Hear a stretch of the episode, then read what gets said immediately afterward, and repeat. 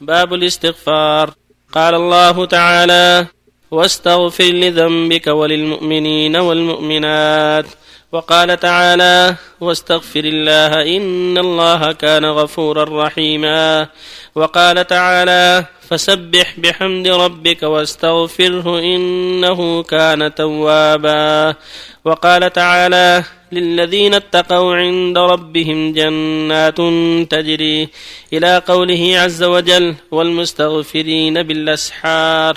وقال تعالى ومن يعمل سوءا أو يظلم نفسه ثم يستغفر الله يجد الله غفورا رحيما.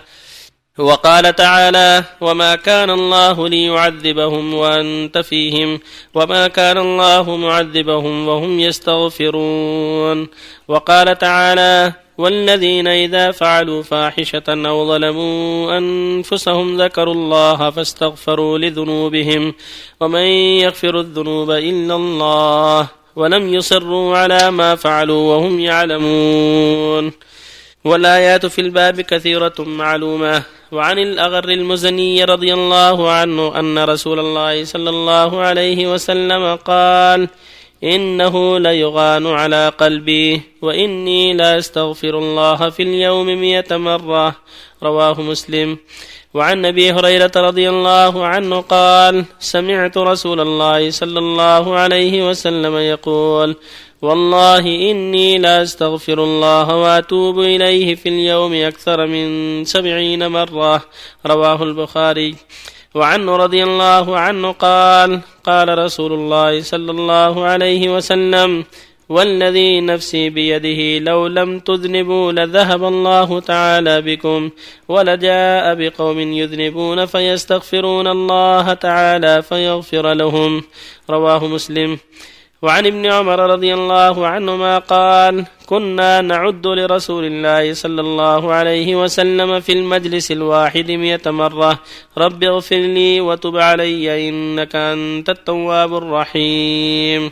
رواه أبو داود والترمذي وقال حديث صحيح. وبالله التوفيق.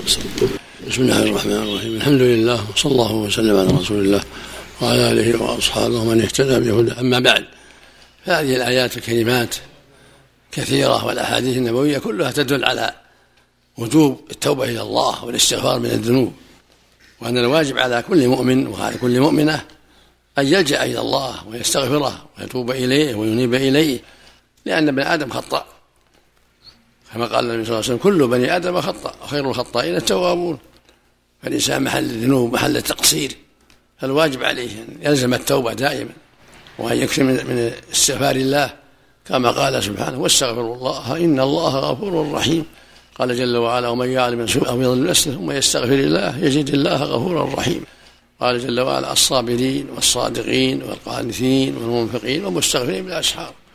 وقال سبحانه ما كان الله ليعذبهم وأنت فيهم وما كان الله معذبهم وهم يستغفرون. قال جل وعلا والذين إذا فعلوا فاحشة أو ظلموا ذكروا الله فاستغفروا لذنوبهم. ومن يغفر الذنوب إلا الله. الآية الواجب الإكثار من الاستغفار والتوبة. كما قال تعالى وتوبوا إلى الله جميعا أيها المؤمنون لعلكم تفلحون. قال سبحانه يا أيها الذين آمنوا توبوا إلى الله توبة نصوحا. فأنت محل الذنوب ليلا ونهارا. فالواجب البدار بالتوبة ولزومها وكثرة الاستغفار. لعلك تنجو. لعل الله يتوب عليك. قد وعدك ذلك سبحانه وتعالى. وهو الصادق في وعده. يقول النبي صلى الله عليه وسلم إنه لا يغان على قلبي. وإني لا أستغفر الله في اليوم مئة مرة. في اللفظ الآخر لا أتوب إلى الله في اليوم مئة مرة. في اللفظ الآخر والله إني لا أستغفر الله وأتوب في اليوم أكثر من سبعين مرة.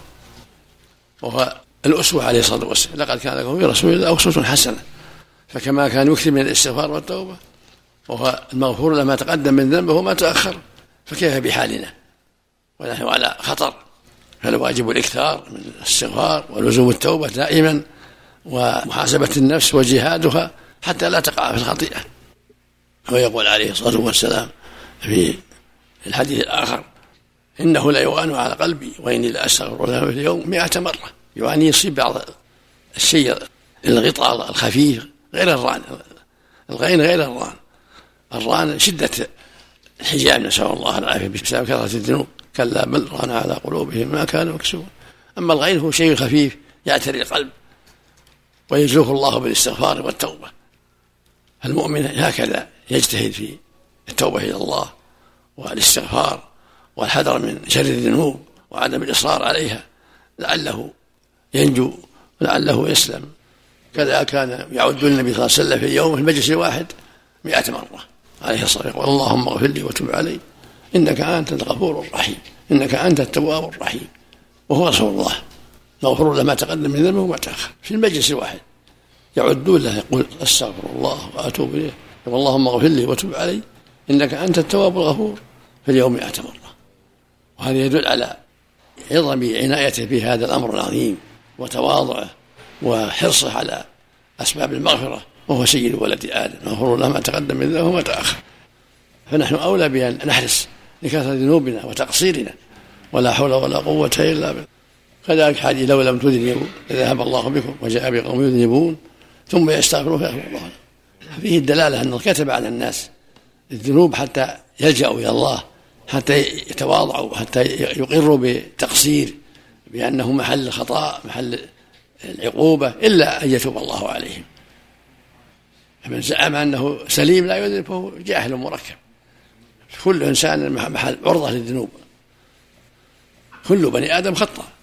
فالواجب البدار بالتوبة والاستغفار والحرص على ذلك. رجاء أن يعفو الله عنك ويغفر لك. والله سبحانه سبحانه يحب من عباده أن يلجأوا إليه وأن يستغفروه وأن يتوبوا إليه وأن يعترفوا بذنوبهم. كما أخبر صلى الله النبي صلى الله عليه وسلم لو لم تذنبوا لذهب الله بكم وجاء بقوم يذنبون ثم يستغفرون فيغفر الله لهم. يعني ينكسرون إلى الله وبين يديه يضرعون إليه ويظهر فاقتهم وضعفهم حتى يتوب عليهم سبحانه وتعالى. رزق الله الجميع. التوبة والاستغفار. نعم. بالنسبة لو لم تذنبوا هو أحيانا مثلا يصير خطأ مثلا في غيبة أو نميمة مثلا بعض الأحيان هذا المقصود أحسن الله عملك. لا يقول إن الله كتب على الناس الذنوب. لو كانوا معصومين جاء الله بغيرهم. حتى يتبين اثار أنه غفور وأنه رحيم وأنه جواد وأنه كريم بسبب وقوع الذنوب. فيتوب عليهم ويغفر لهم إذا تابوا إليه وانابوا اليه وقد يعفو عنهم لأسباب أخرى. سبحان الله. الأحاديث ليست فيها دلالة على الجهر بالاستغفار. إن جهر وإن أسر كله طيب. ودعاء الدعاء الاستغفار أفضل. وإذا دعت الحاجة إلى إظهاره كالخطيب الذي يقعد الناس في الاستسقاء يجهر كالقنوت اللي يقنوت الناس. وأما الإنسان بينه وبين ربه السر به أفضل. ادعوا ربه تضرع وخفيه إنه لا يحب المعتدين نعم. الله يسلمك. أي صيغة الاستغفار تصلح؟ ليس اللهم اغفر لي أستغفر الله وأتوب إليه. اللهم اغفر لي وتب علي إنك أنت التواب الغفور. أستغفر الله وأتوب إليه وهكذا اللهم تب علي اللهم اغفر لي. نعم جزاكم الله خير احسن الله إليك هذا. السؤال يقول السائل ما رأي سماحتكم في قول القائل بأن الإمام إذا سمع في الصلاة صوت الداخل في المسجد أن يطول في القراءة بالتسبيحات ليلتحق الداخل بالجماعة؟ نعم أفضل. بعض الشيء شيء شيء لا يشق على الناس. قليل كان النبي لا يركع حتى لا يسمع قدم. يعني يعني مراعاة للداخل حتى يلتحق بالركعة من دون إطالة تشق على الناس. سؤال آخر يقول السائل رجل يضع جبهته على الأرض دون الأنف في السجود وربما لم يمكن جبهته على الأرض فما حكم صلاته؟ لابد من تمكين الجبهة والأنف ولا يصح السجود إلا بذلك. إذا تعمد هذا بطل صلاته وإذا كان عن سهو تبطل الركعة التي تركه منها وتقوم الأخرى مقامها. يأتي بركعة أخرى. شيخ أحسن إذا كان فردا. وإذا كان مأموم إذا سلم إمامه يأتي بركعة. لأنه ضيع ركعة نسأل الله العافية. يا شيخ أحسن الله إليك. حديث كل أمر ذي بال كل أمر ذي بال لا يبدأ بحمد الله فهو أقطع. حديث صحيح. لا ذي بال كل أمر ذي بال لا يبدأ بسم الله فهو أجدع أقطع. وجاء فهو أجذم لا جاء فهو أبتر. قال ابن الصلاح لا, لا بأس إسناده حسن لأنه لها طرق عديدة. الله يسلمك. إذا لم يمس أنفه الأرض طوال آه، السجود. نعم. أما إذا مس في جزء من الأجزاء لابد أن يسجد على الأنف والجبهة جميعا. لابد منهم واجب كان النبي صلى الله عليه وسلم يسجد إذا على جبهته والأنف. ويقول أمرت أن أسجد سبعة أعظم وأشار إلى جبهه على جبهتي وأشار إلى أنفه.